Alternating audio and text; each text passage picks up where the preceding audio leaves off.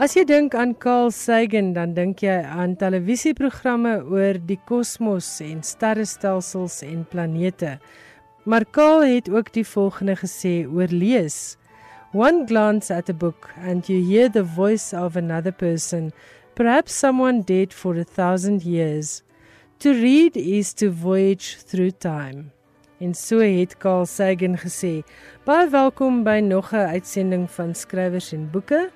Ek weet jy gaan tans waarskynlik deur 'n klomp frustrasie want ons is almal in die 21 dae lockdown. Maar ons hoop dat die volgende byna 'n uur in die geselskap van skrywers en boeke vir jou ten minste 'n bietjie sal laat ontspan en op 'n wonderlike reis sal neem. In 'n finansiële program gesels ek met Petrofna Metlerkamp oor drie nuwe boeke wat sy saamgestel het oor die lewe en werk van die skrywer, digter, dramaturg en rubriekskrywer Jean Gosen. En ek dink dit is beslis iets wat Jean Gosen se bestaande aanhangers baie sal geniet. En ek dink hierdie drie boeke gaan dalk sorg vir 'n hele klompie nuwe aanhangers vir Jean Gosen. Johan Meiberg is ook in die ateljee met internasionale boeke nuus. En dan gaan ek ook weer kyk na 'n boek wat 'n rolprent geword het. En hierdie keer is dit Leo Tolstoy se Anna Karenina. Dit dan alles op die spyskaart vir finansies skrywers en boeke. Ek hoop jy geniet die program.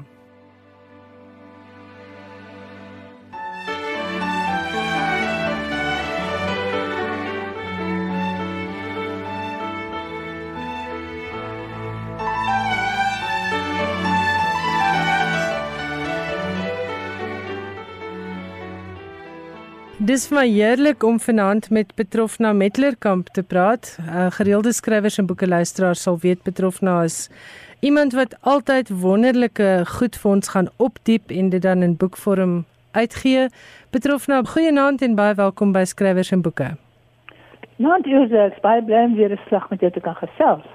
Ons het einde verlede jaar rondgesels oor 'n ander boek. Ek dink dit was Gerard Skool se boek wat jy uitgegee het en ook oor die uh, Kas van Rensburg se boek oor die manlike siege en toe jy vertel dat jy besig is om te werk aan iets oor die lewe van Jean Gosen en dit het nou verskyn en ek moet vir jou sê ek lees verskriklik lekker hieraan. Uh Jean is regtig 'n interessante karakter. Maar kom ons by begin by die begin. Wat het jou laat besluit om 'n boek te doen oor Jean Gosen want uiteindelik het jy genoeg materiaal gehad vir 3 boeke. Ja, ek het uh, in 2009 al het ek met Jean 'n ooreenkoms geteken dat ons uitgewery haar memoirs sou publiseer. Want ek meen sy het nou 'n lewe gehad wat regtig opgeteken moet word, jy weet. En uh, toe teken sy ewe formeel ons 'n kontrakkie en sy gaan nou wegtrek en sy gaan begin skryf. En elke keer wanneer ons saam kuier, dan hoor ek dit gaan nie te wonderlik nie, maar sy darm so halwe bladsy, dan sy 'n halwe bladsy. en uh, met die tyd het ek gesien sy verswak 'n bietjie, sy het 'n bietjie teespoed gehad onder andere 'n groot hartaanval wat sy rukkie mors dood self was. En uh, sy is nie sterk nie. En toe ek weer slag by haar kom so November Oktober November 2018 gesels ons 'n bietjie te besef ons altyd sy gaan nie klaar geskryf kry nie. En toe het ons gedink sy gee vir my maar haar notas en dan sal ek kyk wat ek kan maak En toe ek alles ingelaai het, is dit soveel aantekeninge boeke, haar eintlik omtrent alles wat sy al ooit opgeteken het, is naderhand by mekaar. En daar uit het toe die sorteerdery begin en kon ek kon daar 'n biografie saamstel. En toe vind ek daar is meer materiaal as dit. So dis waar na jy nou verwys het. Ja, want jy kon 'n uh, redelike lywige 310 bladsye biografie saamstel wat gesprekke met en oor haar insluit. Jy kon 'n digbundel uh, saamstel en dan is daar losgedagtes wat baie vermaaklik is. Dit is uh, 114 bladsye van kan ons dit Jean Gosen nimlikhede noem want dit is so tipies en eie aan haar en regtig waar mens lag baie plekke hardop vir die goed wat sy kwyt ja, geraak het. Ja, ek moet sê ek hou vreeslik baie van van die een wat sê sielkunde stuur om nie aan feite nie. Sy het sommer sulke los aantekeninge gemaak, het, jy weet, en ek het twee helpers gehad, Ilse Lutz en uh, Maureen Boshoff, die baie slim vrouens En uh, hulle het gehelp uitsorteer en oortik wat Jean met die hand geskryf het. En toe kom ons agter maar daar is 'n klomp reggooi sinne, sommer sulke sê goed sê goed, sommer so elke hier en daar. Mm. Wat mens nie wil laat verlore gaan nie. En toe ons weer sien toe is dit genoeg om 'n boekie van te maak. Meer as 100 sulke uh nee, meer meer 100 ek ook baie meer as 100. Uh sê dinge, aforismes kan jy maar noem. Mm. mm. En dit is baie baie um unieke filosofiese dinge wat sy kwyt raak, baie regheid. Party dinge gaan ek nou ongelukkig nie op die lig kan sê nie. Maar daar is wonderlikhede hierin, baie baie vermaaklik is en selfs al is jy nie 'n aanhanger van haar skryfwerkie, dink ek tog jy moet hierdie losgedagtes aanskaf net vir die blote filosofiese vermaaklikheid daarvan en baie waarheid. Ja, weet jy, ek dink gou nou aan nog eene wat sy daar gesê het en dit is moet nooit 'n geskenk aanvaar wat eet nie. dit uh, in 'n tyd van van uh, lockdown is dit nogal waar, né, want nou moet jy die geskenk wat eet ook nog voer. Maar dit was toe die eerste op uh, die eerste boek wat ons kon publiseer uit haar materiaal, haar dokumente. Was hierdie losgedagtes? Ja, dit was die einde verlede jaar. Ek moet sê hy het nogal gevlieg van die rakke af. Jan Hambidge was gaande daaroor sy het 'n lieflike uh iets geskryf daaroor. Ek het dit gelees en en sy het ook gesê mens lag telkens hardop. Maar jy dink ook baie diep, né? Iets soos letterkunde is nie letterkunde nie, dit is die lewe wat 'n mens lei. Hmm. En om die gevoelswaarde bo kan die intellektuele te verhef is analise sonder om rede te verwerp. Mens hoor hierin ook hoe slim mens sy is, né, Petrofna? Kyk, daar's nou 'n geniale brein. Ek het in die biografie wat jy geskryf het oor haar telkens gedink, "Sjoe, een van die mees onderskatte joernaliste, rubriekskrywers en skrywers van ons tyd." Ja, ek moet jou sê, Ilse, ek is baie bly dat Jean nou half erkenning kry op 'n ander vlak as toe sy pryse gewen het vir haar novelles of haar romans. Sy is nou meer toeganklik dink ek. Ja, kan ons praat oor die biografie want dit is vir my baie deeglik. Jy het dit ingedeel in afdelings wat baie lekker lees. En ek wil spesifiek ook praat oor al die materiaal wat jy gebruik het behalwe haar eie notas want jy het eintlik Jean se lewe opgesom. Het jy koerant artikels gebruik? Het jy ek weet jy het SABC argiefgesprekke gebruik. Jy het met baie ander mense gepraat. So vertel ons van die proses rondom die biografie wat getiteld is 'n lewe vol sinne. Uh wat gebeur het is uh, ek het Jean se notas eerstens gehad. Sy het nogal geskryf oor haar heel klein tyd. Uh oorspronklik haar eie soos wat mense memoirs sal begin. So sy het 'n eindweg geskryf en toe toe hy dit nou nie verder gaan as 'n trend is van 'n 3 of 4 sulke sê laerskool nie.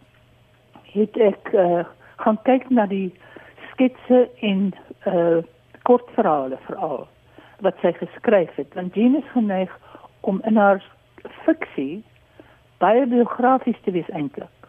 Maar nou moet mens vreeslik versigtig wees. Gelukkig ken ek haar nou al vir oor die 50 jaar. Sjoe. Sy sê dit my genoeg vertel van haar lewe dat ek kon sien as ek uit 'n kort verhaal iets wil aflei wat biografies is, kon ek sien nee, hier trek ek 'n streep. Ek weet sy het net een broer en een suster. Gehad, so jy kon feit van fiksie onderskei want dit is 'n kenmerk van haar skryfwerk, né? Nee. Ek kon tot 'n mate. Dis nie asof Jean dit doen nie, jy weet. Sy is baie geneig mense praat baie maklik oor Jean wat sommer goed versin. En sy doen dit, maar sy doen dit op 'n kreatiewe manier. Dis hoe sy sy nou as 'n skrywer werk. Mm, Wanneer dit kom by die biografie, het ek uh gesê ek behalwe my daar eie werk te put, kon ek met haar nog gesels oor partydele. Jean se kragte kom en gaan en haar konsentrasie kom en gaan.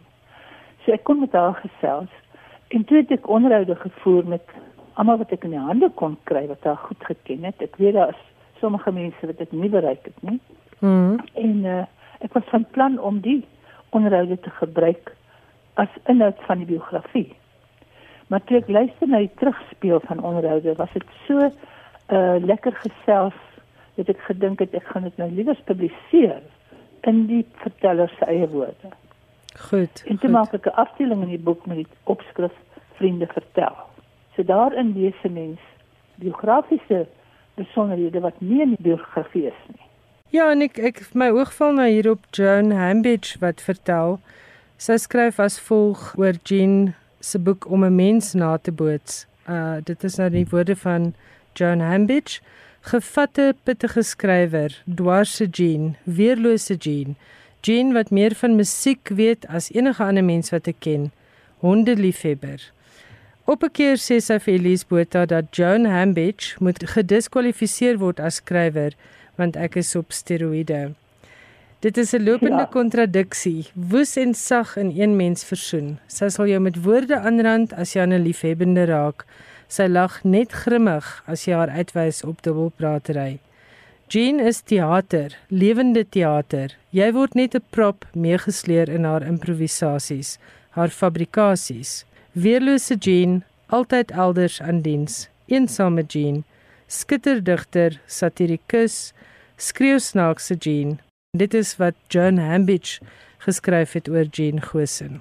Ja, ek moet sê sy kan sê dit raak gevat, né? Ja, dit is vir my baie goeie opsomming want ek moet vir jou sê biografie kan bitter swaar lees, maar hierdie is baie vermaaklik. Dit is propvol inligting, maar mense lees so lekker daarin dat voordat jy agtergekom het, het jy soos ek nou die aand 60 bladsye gelees.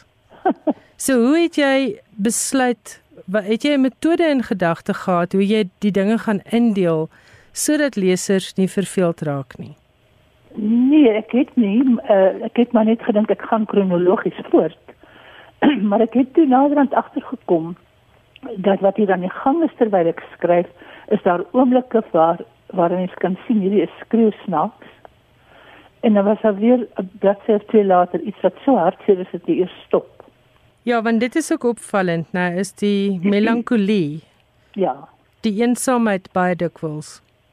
Ja, ek dink eh uh, mens kon maklik die boek nog meer hartseer gemaak het. Daar's daar's eh uh, dis moeilik en nie moeilik nie, maar mens moet versigtig wees om jou balans te hou. Ek was bewus daarvan, hou die balans dat jy nie net grappige goed vertel nie. Dan was die inhoud ook vir my belangrik om haar skryfwerk in te weef in die vertelling sonder dat dit akademies raak. Vertel vir ons van Jean die mens soos wat jy haar ken. Oei, ja, ja, jy voel dit het ons. Want kyk regtig, dit is nou een van hierdie mense met skakerings wat wissel van elke graad. Dit is die mees kleurvolle karakter en kontroversieel ook natuurlik. Uh, ek meen daar's amper nie 'n goeie vriend wat nie al deurgeloop het nie. Sandra Prinsloo het nou dag ook gesê sy het op 'n slag by uh, een van Jean se vriende gekom het die skool se vraag gesê het jy weet jy miskien wat het ek nou weer verkeerd gedoen want dit gebeur konstant jy weet ek het self ook met haar opstel wat afgetrap maar uh, dit is maar sekerlik deel van hierdie crazy kunstenaar ek meen dit is so 'n uh, uit die boks uit mens Wat sou jy beskou as haar grootste letterkundige bydrae tot Afrikaans? Haar gedigte of haar romans of ehm um, selfs haar rubrieke? Subjektief sê ek gedigte. Uh objektief sê ek dink een van haar grootste werke dink ek maar is bietjie miskien is Louwond waaruit kombuis blues gevloei het. Mhm. Wat lank deur natuurlik bekendheid verwerf het. Maar die, die toneelstuk, nee. Uh ek weet nie wat destyds gebeur het nie. Ehm um, en die die roman het half nie presies die erkenning gekry wat hy moes nie. Ja, ek sien hier in die, in jou boek ehm um, jy beskryf dit as 'n kontroversiële vernuwendende novelle wat verskyn het in 1987 by Home Literair en Professor Louise Viljoen, bekende letterkundige, het gesê Louwend is een van die klassieke tekste in die vroulike kanon van die Afrikaanse letterkunde. Dis reg, sy het dit gesê, ja. So dit het toe nou Kombuis Blues geword wat Sandra Prinsloo as ek reg onthou het landwyd opgevoer het op verhoog as 'n een vroustuk. Met Trudy Taljaard.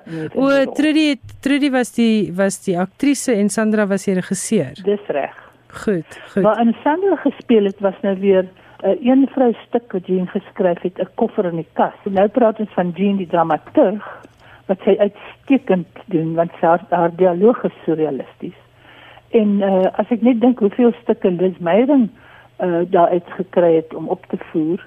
Ek meen sy, sy het blykbaar saam met Andre Stoos by Jean aangekom op 'n dag en gesê dat dringend 'n stuk nodig uh om te kan speel sommer baie binne 'n paar dae. Jean het pas gesien nadat sy met iets anders besig was dat dit baie lank neem om bewegings uit te werk op 'n verhoog as jy drama kan beplan.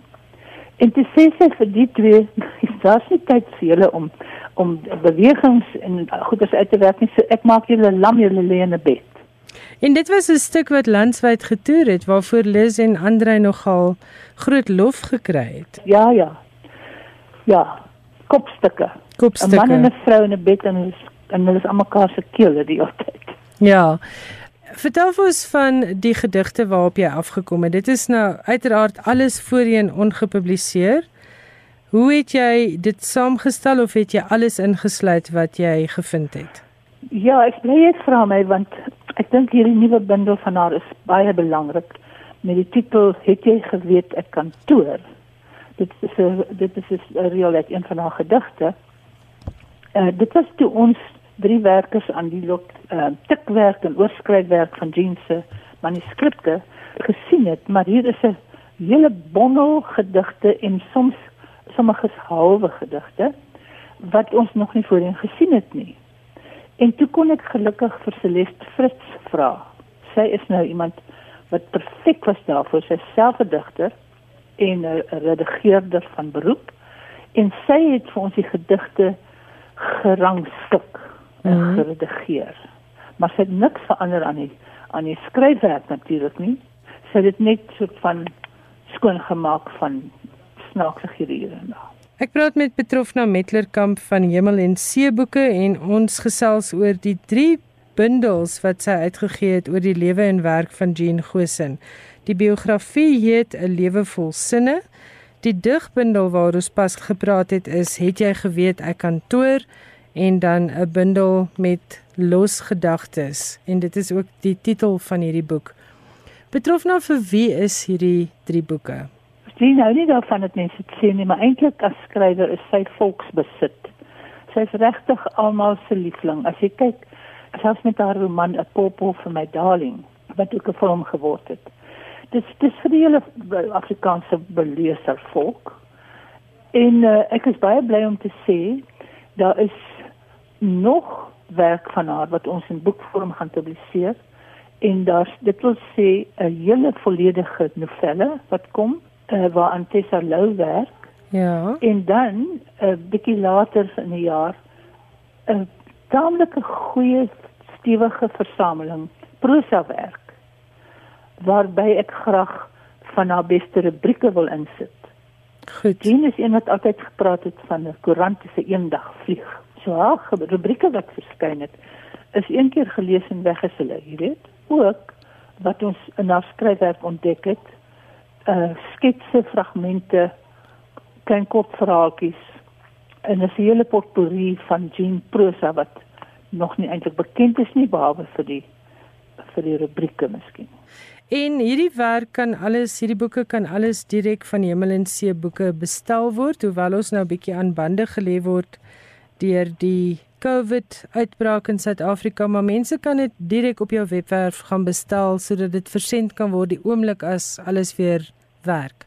Uh, die beste is om die boekwinkels nou toe sal wees om te skryf aan Hemel en See boeke by Hermanus hermanus.co.za. So dit is die e-posadres hemel en see boeke by hermanus.co.za. En het jy 'n webwerf waarop mense kan gaan kyk na hierdie en ander boeke wat by Hemel en See verskyn het? Hulle moet net Hemel en See soek. En natuurlik ons ons boeke is in boekwinkels, so ek sê dit sal Ek moet vir jou sê Petrofna baie geluk hiermee. Ek lees regtig lekker daaraan. Dis nie swaar nie, maar dis ook nie net laf nie. Dit is regtig 'n goeie mengsel van die mens wat ek my altyd verbeel het Jean Gosen is. Ilse, ek wil graag net iets noem.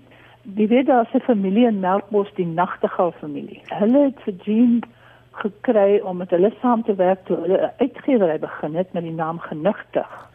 En uh, Genigtig Trust bestaan steeds alhoewel die uitgewery nou nie meer bestaan nie en genigtig trust borg die drukwerk van hierdie boeke wat ons maak. So dit is um hoekom jy so baie kan doen daarmee. Presies, dit is die groot geluk. Baie dankie ook aan die Nagtegaal familie vir daardie en nou dat jy hulle naam genoem het genigtig, kyk ek sommer na iets wat sy geskryf het toe sy nog by genigtig was en dit is oom Boude kom braai. Dit is die titel van Onthaal met Rooi Jean wat op 13 Desember 2004 aanlyn verskyn het op haar Facebook. En ek dink ek wil daarmee afsluit. Jean Gosen skryf: Oom Boude kom nou die dag hier aan met 'n groot bruin papierpak wat lyk asof daar 'n opgerolde tuinslang in is. Toe hy die affære op die kombuistafel neersit, skiet daar 'n paar meter boerewors los, rooi gesproet en dik gestop. Oom Boude sê hy het die wors by 'n slaghuis gekoop wat op radiokansel adverteer. Adverteer jy op daardie stasie, sê my oom, commit jy jouself. Jy verklaar so te sê aan die ganske Republiek van Suid-Afrika dat jou wors sonder hare is, sonder toenails, albasters, stukke platgeryde haas, lemeel, kaderms en mangels. En dan gee Jean 'n paar wenke vir die braai van hierdie wors. Sy maak 'n vuurtjie teen die Weiberkriet muur onder die bloekoms en deel dan 'n spesiale resep met haar lesers wat sy noem Cosmopolitaanse skande. En daarvoor het jy nodig 1 bottel klipdrift en 1 groot waterlemoen wat reg klink as jy hom aan sy bleekkant klop. Sny 'n blokkie uit die waterlemoen, net groot genoeg dat die klipdrift bottel se bek in die gat kan pas en dan laat jy die brandewyn stadig in die waterlemoen inloop. Gebruik geduld want dit gaan stadig. Wanneer die bottel leeg is, sit dan die blokkie terug. Berg die waterlemoen vir 3 dae op 'n koel plek, soos onder die bed. Sny in blokkies, bedien en geselligheid is gewaarborg. So regtig 'n uh, wonderlike um tong in die kies onthaalskrywer, tuinmaker, satirikus, selfspotter, nee, want dit kon sy goed doen. Ja, dit kan sy doen. Betrofna Metler kan baie baie dankie dat ek met jou kon gesels oor Jean Gosen, 'n lewe vol sinne, losgedagtes en net jy geweet ek kantoor wat jy alles saamgestel het uit voorheen ongepubliseerde materiaal van Jean Gosen. Baie dankie Ilse. En so gesels Betrofna Metler kamp. Net daardie e-posadres weer as jy dalk solank die boeke oor Jean Gosen wil bestel. Dit is Hemel en See boeke by hermanus.co.za. Jy luister na skrywers en boeke op RSG. Johan Meiburg, baie dankie dat jy ingekom het ateljee toe ten spyte van COVID en al die ander dinge wat ons sosiaal isoleer. Dankie dat jy ook vir ons 'n bietjie gaan kyk het wat gaan nog steeds in die internasionale boeke wêreld aan. Ja, goeienaand. Hamlet, die seun van William Shakespeare en Anne Hathaway, is op 11 dood waarskynlik weens die builepes wat teen die einde van die 16de eeu die dood van so baie kinders beteken het. Bitter min is oor Hamlet bekend, behalwe uit registers wat aandui dat hy in 1585 gedoop is en in 1596 begrawe is.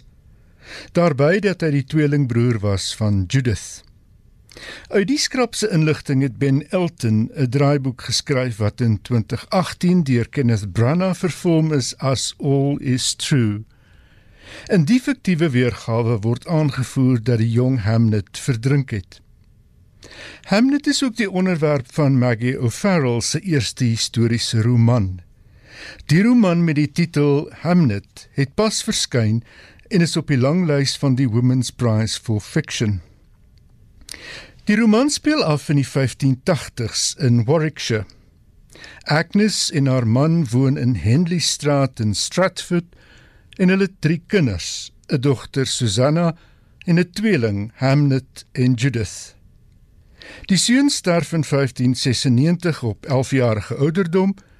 En 4 jaar of wat later skryf haar man die verhoogteks Hamlet. Sedert skooldae toe ek Hamlet moes baas raak, is ek gefassineer deur Hamlet, sê O'Farrell. Ek was altyd verstom en ietwat hartseer oor hoe min vermelding hy kry in biografieë en literêre opstelle oor Shakespeare se werk. Toe het ek besluit om 'n roman oor hom te skryf en om 'n stem en 'n aanwesigheid te gee. Die onkonvensionele benadering tot literêre geskiedenis het reeds gloeiende kommentaar van onder andere die skrywer Camilla Shamsi gekry. Sy het Hamlet beskryf as dazzling, devastating. Die 48-jarige O'Farrell het in 2000 gedebuteer met die roman After You'd Gone. 10 jaar later het sy die Costa Romanprys verower met The Hand That First Held Mine. En sy het later by twee geleenthede die kortlys van die prys gehaal met Instructions for a Heatwave in 2013 en weer in 2016 toe vir This Must Be the Place. Die kortlys van die Women's Prize for Fiction word op 22 April bekend gemaak en die wenner op 3 Junie. Ja, en dit was baie interessant soos ehm um, daardie skrywer tereg sê, mens weet feitelik niks van die arme mens nie. Interessante manier ook dan nou om by te voeg tot die letterkunde. Wat's volgende op jou lysie? Wel, die wenners van die 2020 Wyndham Camel Pryse is onlangs aangekondig en het 'n hele klomp skrywers gelukkig gemaak. Een van die wenners is die Brits-Indiese digter Banu Kapil wat kort voor die aankondiging van die pryse op die randjie van wanhoop was oor haar finansiële situasie. Ek het op die bed gesit, gewonder oor my toekoms, en myself betrap dat ek help gesê het, het sy aan The Guardian gesê. Toe ek die oproep kry dat ek die prys en dis 'n prys ter waarde van sowat 2,9 miljoen rand gewen het, kon ek nie anders voel as dat my versigtiging verhoor is nie. Kapil se jongste bundel, How to Wash a Heart, verskyn van dese maand. Die Wyndham Campbell Pryse is van die grootste literêre pryse ter wêreld en word jaarliks aan 8 skrywers in 4 kategorieë toegekend, elkeen met prysgeld van 2,9 miljoen rand. Die prys het in 2013 tot stand gekom uit die gesamentlike boedel van die Amerikaanse skrywer Donald Wyndham en die akteur Sandy Campbell. Die twee was vir 45 jaar lewensmaats en met Campbell se dood in 1988 het hy sy besittings aan Wyndham bemaak met die verstandhouding dat die letterkunde sal voordeel trek uit hul gesamentlike boedel na Wyndham se dood. Wyndham is in 2010 dood en die volgende jaar het Yale as administrateur die prys aangekondig. In 2013, die eerste jaar waarin die pryse toegekend is, was daar 3 kategorieë: fiksie, nie-fiksie en drama. Twee Suid-Afrikaanse skrywers het daardie jaar pryse gewen. Johnny Steinberg het die nie-fiksieprys gewen en Zoe Wickham die fiksieprys. Ivan Vadislavik het die fiksieprys in 2015 verower. Die ander wenner in vanjaar se kategorie vir poësie is die Amerikaanse digter Jonah Mixon Webster. Die prys vir nie-fiksie is toegekend aan die Australiese skrywer Maria Tumarkin en die Amerikaner Anne Boyer. Twee Amerikaners het die prys vir drama ingeoes, Alicia Harris en Julia Cho. Die fiksieprys is verower deur die Zambiese skrywer Namwali Serpil en die Chinese-gebore Amerikaner Yeyun Li. Albei blink uit as kortverhaalskrywers. Serpil het onder meer in 2015 die Kane-prys verower met haar kortverhaal The Sack. Die verhaal is opgeneem in die bundel Africa 39: New Writing from Africa South of the Sahara, uitgegee deur Bloomsbury. Yeyun se kortverhaalbundel van 2005, A Thousand Years of Good Prayers, het die Pen Hemingway Prys sowel as die Guardian First Book Award verower. Haar jongste roman, Where Reasons End, het verlede jaar by Random House verskyn. Hier lees Banu Kapil die gedig Humanimal 1 and 2, Blue Sky Fiction for a Future Child uit haar bundel van 2009, Humanimal: A Project for Future Children, uitgegee deur Kelsey Street Press. Balled up her shaven head and spine visible through her skin. The wolf girl was a singular presence, almost butter yellow against the granular fabric of the Kodak paper. When she died, it was Easter, the hot, dry month before monsoon. Bowing to custom, the priest covered her face with marigolds, soaked the stems with olive oil, then lit a match. Behind the graveyard was a church, intensely white in the pale pink day. Behind the church was the jungle. At the edge of the jungle was a seam, a dense shedding of light green ribbons of bark, a place where things previously separate moved together in a wet pivot. I stood and walked towards it in a dream. Her eyes were grim, intensely clarified against her charred skin as she looked up. Above her, the trees were dense with a dark green fruit I could not identify. In the minutes before capture, the girl reached up, her arms crisscrossing rapidly beneath the bleached, low-hanging vines of the perimeter. She was wearing a white cotton dress, shredded at the sleeve and hem. When I developed the film in New Delhi, the x-ray of a marine skeleton was superimposed upon her left arm, her elbow as thick as a knot. I said it was cartilage, the body incubating a curved space, an animal self. Instead of hands, she had four streaks of light. An imprimatur, she saw me and flinched. Dit was die stem van Banu Kapil, die gedig se naam Humanimal 1 and 2 Blue Sky Fiction for a Future Child. Johan, jy sê sy het net op haar bed gesit en gesê help. En toe gebeur dit. Want ek dink ons moet nou almal net op ons kollektiewe beddens gaan sit en en net 'n klein help sê. Wat is volgende op jou lysie internasionale letterkunde nuus? Die Hey Letterkundefees is een van die feeste in Brittanje wat weens COVID-19 in die slag gebly het. Glastonbury is ook gekanselleer en so ook die Oxford Letterkundefees. Die fees in Hay on Wye in Wallis sou vanjaar van 12 tot 31 Mei plaasgevind het. Soos talle feeste wat as nie winsgewende projekte aangepak word, is die toekoms van die fees wat vir soveel as 70% van sy inkomste van kaartjieverkope en boekverkope afhanklik is, nou in die weegskaal. Die fees se finansiële bydrae tot die omgewing, een van Brittanje se laags betaalde streke, is jaarliks iets soos 25 miljoen pond. Hoewel die organiseerders aangedui het dat mense wat reeds kaartjies gekoop het hul geld kan terugkry, het hulle versoek dat feesgangers bydra tot die noodfonds wat in die lewe geroep is. Ai ons harte gaan uit ook na plaaslike kunstenaars en so. skrywers en boekprogramorganiseerders met dit dat die KAK&K en nou ook uh, die Vrystaat Kunstefees in die slag gebly het. Maar 'n mens kan nie anders as om hierdie streng reëls na te kom nie en ons hoop maar net dat ons almal weer skouer aan die wiel sal sit en die stukke sal optel ook vir die letterkunde. Ja, en jy uit die deur gaan kom. Ja, en ons gaan, ons gaan en en hier by skrywers en boeke gaan ons ons bes probeer om vir uh lesers en luisteraars te vermaak en om vir hulle op hoogte te hou van wat in die boekwêreld aangaan. Dis al vir vanaand Jan baie baie dankie. Uh net vir die luisteraars ons doen al die social distancing en alles wat daar gesê word. Johan sit deur aan die ander kant van die vertrek en ons werk sommer ook 'n bietjie vooruit vir ingeval daar vir ons gesê word ons mag nie meer inkom na die SAK geboue toe nie. Johan baie dankie. Baie dankie.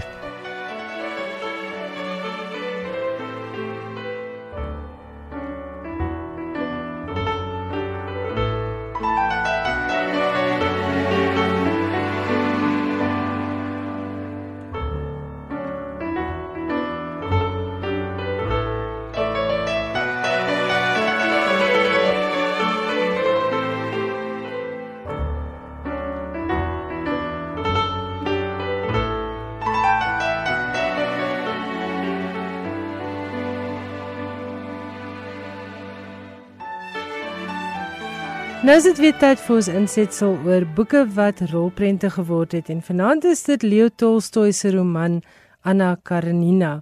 Hierdie roman het reeds in 1878 as boek verskyn, maar word steeds deur baie skrywers en letterkundiges beskou as die grootste literêre werk van alle tye.